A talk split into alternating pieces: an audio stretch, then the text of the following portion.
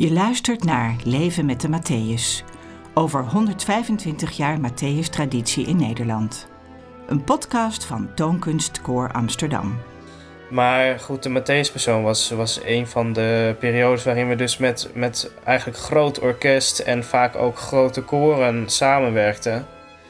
En dat, dat is dus iets heel anders dan wat wij gewend waren. En daarom iets waar we heel erg naar uitkeken. Nergens ter wereld wordt de Matthäus-passie zo vaak uitgevoerd als in Nederland. Het werk is viral gegaan in een tijd van dramatische ontkerkelijking. De start van deze virale besmetting vond plaats op 8 april 1899.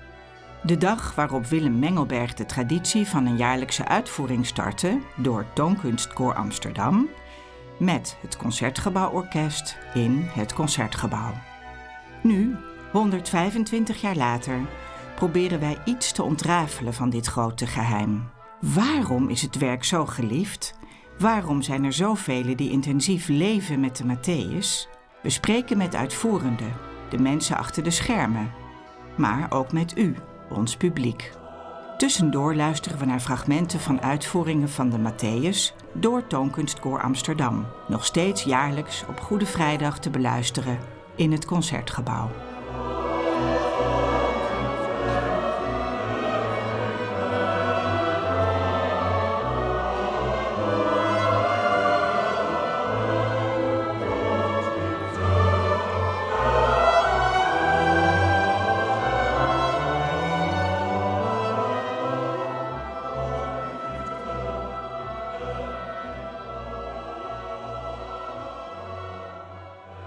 Aflevering 2.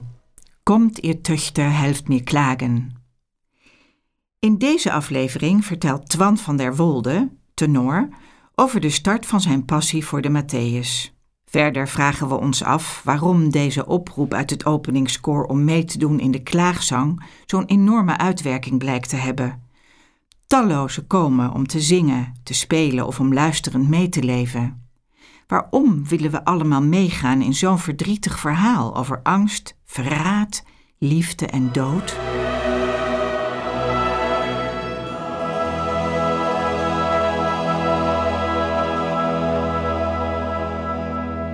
Tenor Twan van der Wolde begon op zesjarige leeftijd als jongenssopraan bij het Roder Jongenskoor, waar hij een paar jaar later werd benoemd als hoofdsolist.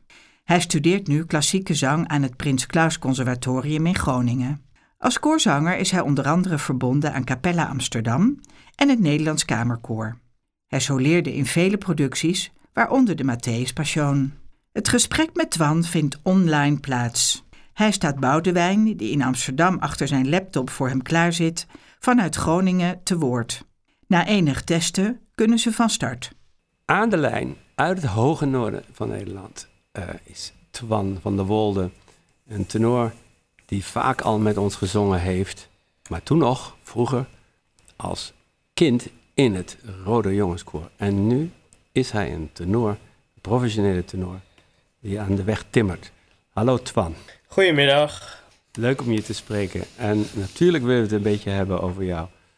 Over jouw loopbaan, jouw geschiedenis, jouw, jouw, jouw ontstaan als zanger in, in het koor. Kun je iets vertellen? Hoe kwam jij in het Rode Jongenskoor terecht en hoe vond je dat? Mijn ouders die uh, vonden eigenlijk dat ik uh, wat met zingen moest gaan doen, omdat ik altijd aan het zingen was. Hm. Dus uh, nou, op een gegeven moment liepen wij op een braderie in Nieuw-Roden voor de kapel langs, waar het Rode Jongenskoor altijd repeteerde. En daar stond een kraampje en daar hebben wij zo'n flyer meegekregen. En, en, en zijn we uitgenodigd om naar de open dag te komen.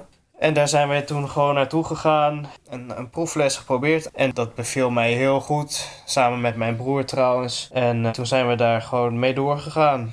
Tot uh, een aantal jaar geleden. Ja, want kijk, eh, hoe gaat het dan? Heb je dan een wekelijks zangavond uh, of een les? Of heb je privéles? Of hoe gaat het? Nou, als, je, als je eenmaal in het koor zit, dan heb je sowieso twee avonden repetities met alleen de jongens.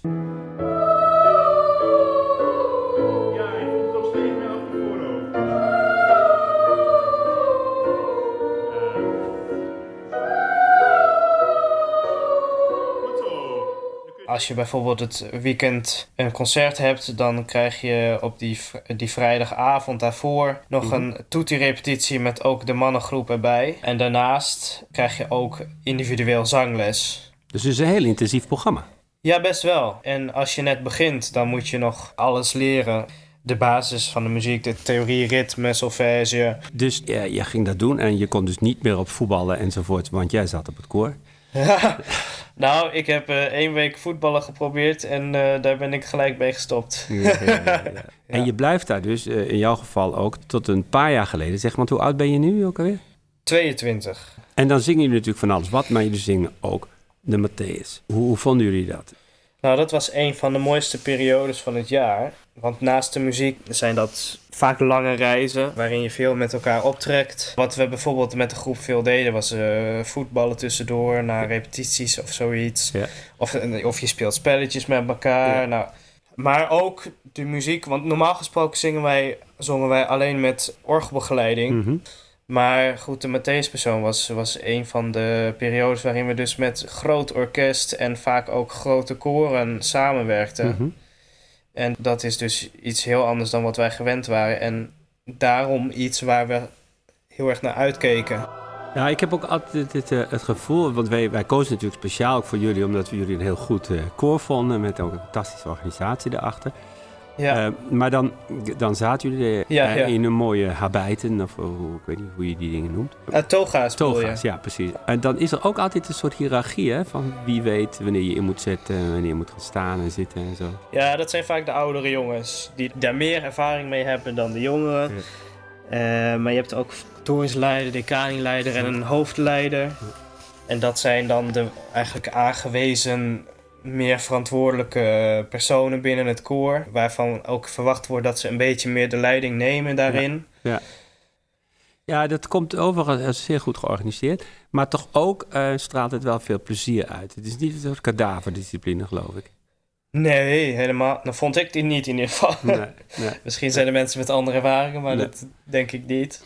En was het voor jou een goede opmaat voor het, eh, voor het professionele zingen?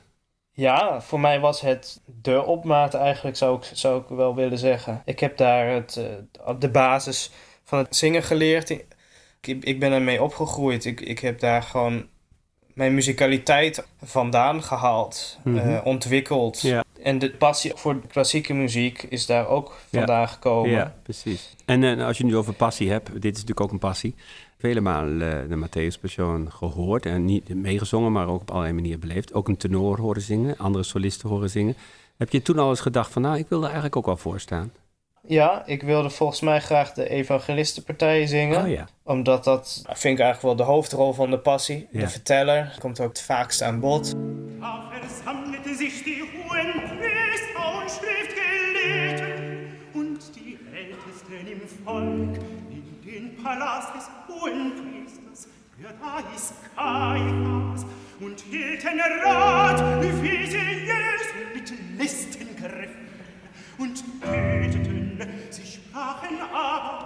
En heb je het maar gezongen? Nee, dit jaar wordt het eerste jaar dat ik, maar nog niet van de Matthäus. Ja, ja. Van, van de Johannes ga ik hem voor Ja, het eerst ja. zingen. Die is denk ik wel iets min- minder veel eisend. Ja. De aria's van de tenoren, die hadden nog niet je aandacht getrokken. Nee, nee, nee.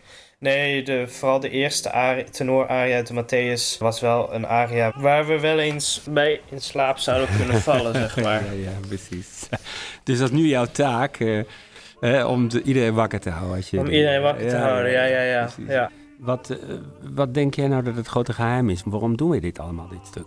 Nou, ik denk naast dat het gewoon indrukwekkend is op zichzelf. Twee orkesten, veel solisten, dubbel koor. Dat is al een ding op zich. Daarnaast is het ook denk ik een moment... Ja, nu een, tra- een tra- soort traditie ook voor de meeste mensen... om in ieder geval jaarlijks een keer na te denken over... eh, of een keer voor je te zien hoe slecht de mensen eigenlijk wel kan zijn. Mhm, mhm. En dat je daar zelf even een moment voor hebt om daarover na te denken. Ja. Ja, en ook, ook het, die muziek maakt het veel emotioneler en, en diepgaander mhm. Dan wanneer je gewoon zo, het zo even uit de Bijbel leest. ja. Ja. Voor mij in ieder geval. ja. Helpt je dat als zanger of vind je dat eigenlijk ook eh, alleen maar lastig voor de stem? Nee, dat helpt alleen maar. Dat er meer emotie in zit, bedoel je? Ja. Ja, ja. Omdat de emotie wordt je eigenlijk ook al een beetje gegeven daardoor. Daar hoef je zelf niet heel lang over na te denken. Oh, moet het op die manier brengen. Natuurlijk moet je er wel tot op zekere hoogte zelf over nadenken. Maar er is al een richting gegeven. Ja. En dat maakt het dus wel makkelijker, ja, als zanger. En Ja. in jouw omgeving, was dat ook met jouw gezin? Gingen die mee naar die uitvoeringen? Was dat echt iets wat, wat beleefd werd door iedereen? Mijn ouders die reden af en toe. Die moesten gewoon me- mee Mhm. voor het vervoer Mhm. van de jongens. En dan soms in het concertgebouw bleven wij ook voor de tweede helft. Oh ja. Dus het concert met jullie was dat. Ja, ja dat vonden mijn ouders ook leuk. Nou, en mijn broer die was er ook altijd bij, want die, Ja. die zong daar ook. Dus, Ja. ja. Maar die is dus Ja. niet eh, het vak in gegaan of ook? Nee, die is eh, een hele andere kant op gegaan. Die, Ja. die zit in het powerliften. Echt waar? ja, ja. nou ja, dus dan ben ik toch benieuwd van wie uiteindelijk het goede pad gekozen heeft. Hè? Hij heeft een goede pad voor zichzelf gekozen. Ja, ja, Ja. ja. En ben jij, heb jij het gevoel dat jij voor jezelf ook het goede pad hebt gekozen? Absoluut, ja, ja, ja. ja. want dat gaat Dat is wat ik het liefste doe. mij. Ja, ja. Nou, dat is, eh, dat is leuk om te horen. Ik, eh, ik, ik vind het leuk om je gesproken te hebben. En eh, ik wens je heel veel succes ook met je debuut als evangelist. Dankjewel. Dankjewel.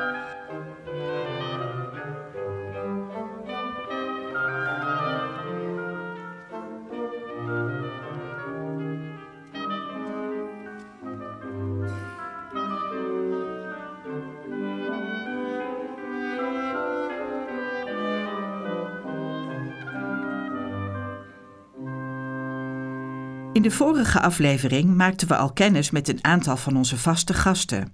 In deze aflevering ontmoeten we nog een paar koorleden en maken we ook kennis met enkele mensen uit het publiek en met de jongens van het Roder Jongenskoor. Het koor uit Groningen, waar Twan van der Wolde lid van was en dat al vele malen heeft meegewerkt aan de Matthäus-uitvoeringen van Tokenskoor Amsterdam. Oké jongens, jullie ook op je plek gaan staan. We gaan de Matthäus-passie vandaag voor het eerst doen. Dus zei, Na een repetitie op dinsdag heeft zich een groepje van zeven jongens verzameld bij een van hen thuis, om mijn collega koorlid Olga online te woord te staan. Timme en Matthijs bijten het spits af en vertellen wat ze zo bijzonder vinden aan het meezingen bij de Matthäus. Ik ben Timme. Je zingt ook een keer met andere mensen en ook met een heel orkest. Ik ben Matthijs en ik vind het ook eh, heel bijzonder. Het is heel mooi en ook je speelt met heel veel samen. Dus het is echt één groot feest eigenlijk. En ja, het is gewoon ook altijd heel leuk. Het is heel anders dan normaal. Je speelt met veel meer, dus je klinkt ook zachter en het is ook best wel afleidend. Al die eh, violen, al die trompetten, echt alles. Het is heel druk, maar het is ook ja, heel mooi samen. Wat is dat toch met die Matthäus, dat er, net als deze kinderen, zoveel mensen mee willen doen en komen luisteren? Ineke Kluft, hoofd klantcontact en verkoop van het concertgebouw, vertelt dat zij er in ieder geval op hun website al rekening mee houden. Het teken dat, dat er veel belangstelling voor is, is we hebben op onze website filters waarmee je gericht kan zoeken. En het enige muziekstuk waar we een apart filter voor hebben is de passies, Matthäus dan wel Johannes. Omdat daar vraag naar is. Hè. De, de mensen willen weten welke uitvoeringen zijn er allemaal. Dus daar, dat heeft echt een apart filter op onze website. Dus ja, er is heel veel belangstelling voor. Over het waarom van die grote belangstelling voor de Matthäus moet ze even goed nadenken. Ja, dat weet ik eigenlijk niet. Misschien dat het ieder jaar terugkomt. Als je het eenmaal herkent, dan denk je, oh, daar ga ik weer naartoe. Dat het natuurlijk ongelooflijk mooie muziek is. Je zou denken dat de lengte tegenwerkt. Maar ik heb wel eens overwogen, ik ga ook eens naar de Johannes, maar dat heb ik eigenlijk nooit gedaan. Dus die lengte is ook het probleem helemaal niet. Ja, en, en ja, de dramatiek toch van het geheel. En, en ja, gewoon dat het hele mooie muziek is en dat je daar ieder jaar als een soort vast moment naartoe wil. Ja, het is geen verklaring, maar ik weet, ik, het zal ermee te maken hebben. Violist Henriette Luitjes en hoboïst Arco van Zon hebben er weer andere ideeën over. Mensen gaan eigenlijk eh, elk jaar massaal met, met honderden anderen even mediteren. Gewoon echt in con- contemplatie en even weer helemaal tot rust komen. En dat, uh, dat is misschien wel wat het stuk, en waardoor ze het een jaar later weer doen. Wat er ontstaat in het publiek is anders dan bij veel andere concerten. Het wekt natuurlijk andere emoties op. Het stuk is zodanig goed dat het ook met je leven meegaat. Je, je zingt natuurlijk als je jong bent kinderliedjes. En daar hou je mee op tot je zelf weer kinderen krijgt. En als die groter worden, uh, zeggen, uh, zij zeggen zelf, nou dat kennen we nu wel. En dan word je misschien opa. En dan zing je die kinderliedjes weer. Dus die gaan ook mee, maar, die, maar de Matthäus blijft ook. Olga is ook op bezoek gegaan bij enkele mensen uit ons publiek. Ze wordt gastvrij ontvangen bij het echtpaar Pim en Yvonne Kruger thuis. Die zeer trouwe Matthäus-bezoekers blijken te zijn. Ook Yvonne probeert een antwoord te formuleren op deze lastige vraag.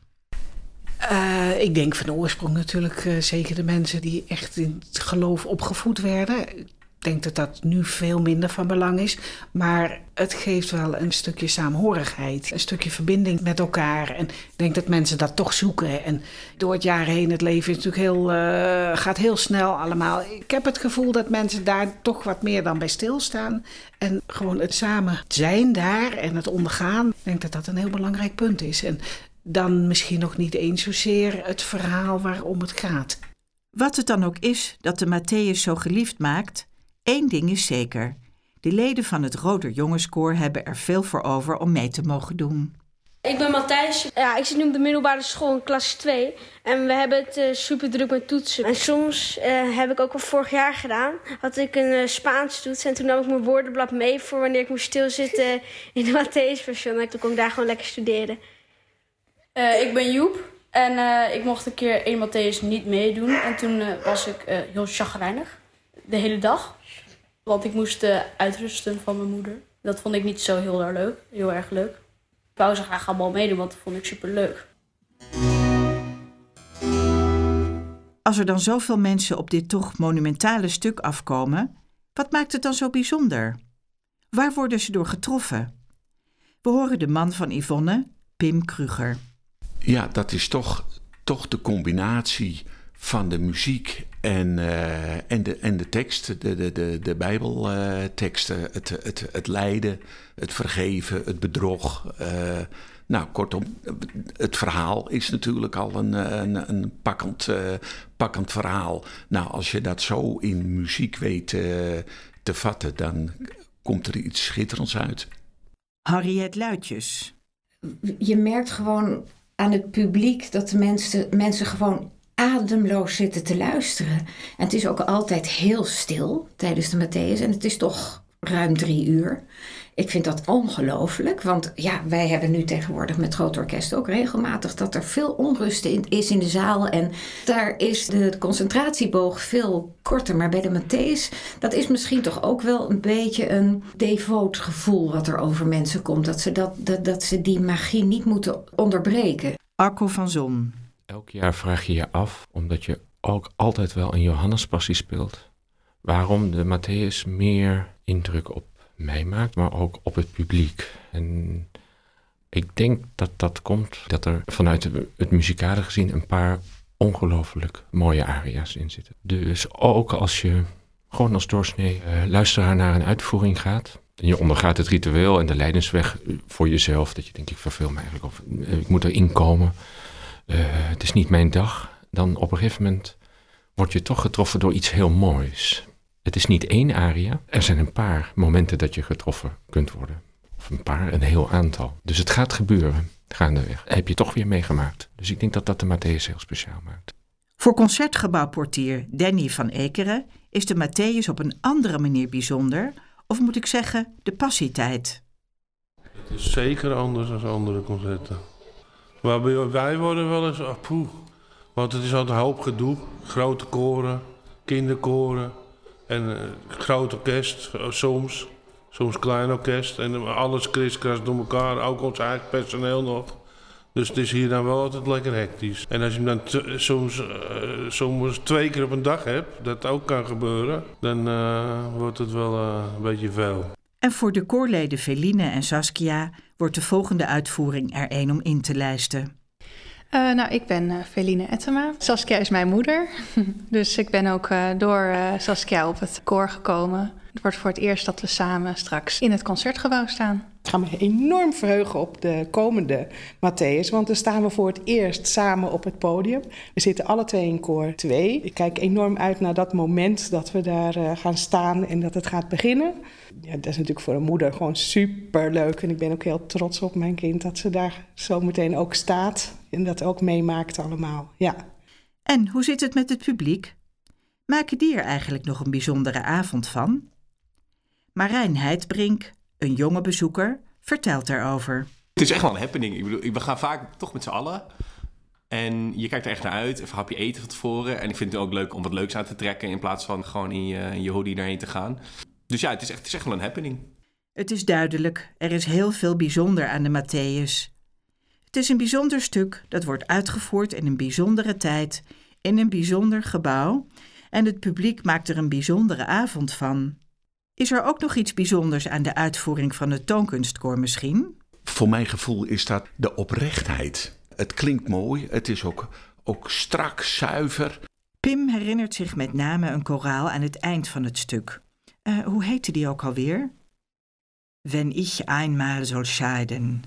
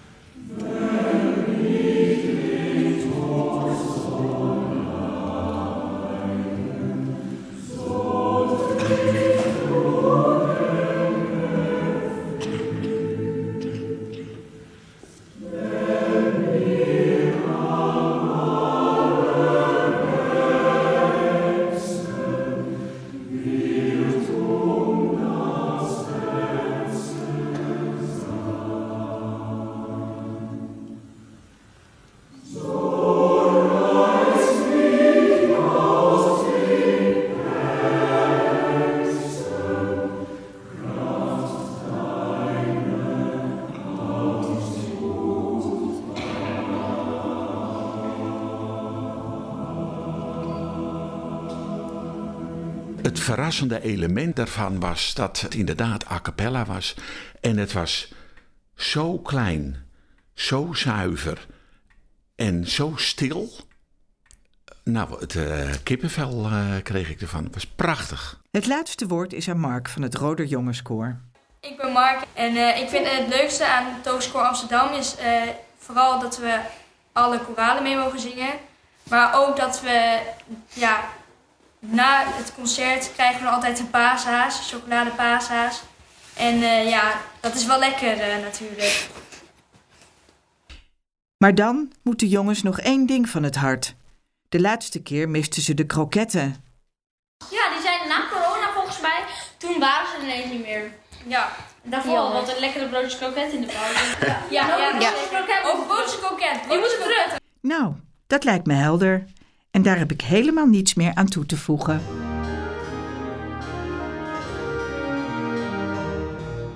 Tot zover deel 2 van Leven met de Matthäus. Met dank aan onze speciale gast Twan van der Wolde. In de derde aflevering van deze podcast ontvangen we Luc Joosten, hoofddramaturg van de Nationale Opera en Ballet. Ook praten we met de kinderen van het jongenskoor over donder en bliksem. Volgende keer te beluisteren in Leven met de Matthäus over 125 jaar Matthäus-traditie in Nederland. Een podcast van Toonkunstkoor Amsterdam.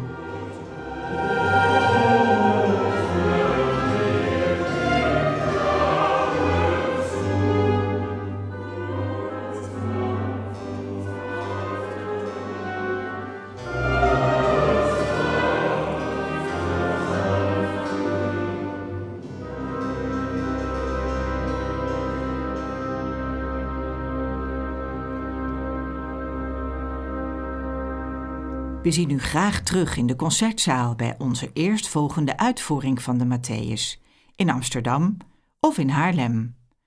Of bij een van onze vele andere concerten. Raadpleeg voor meer informatie onze website www.toonkunstkoor.nl.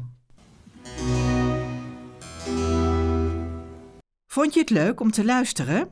Like dan deze podcast om op de hoogte te blijven.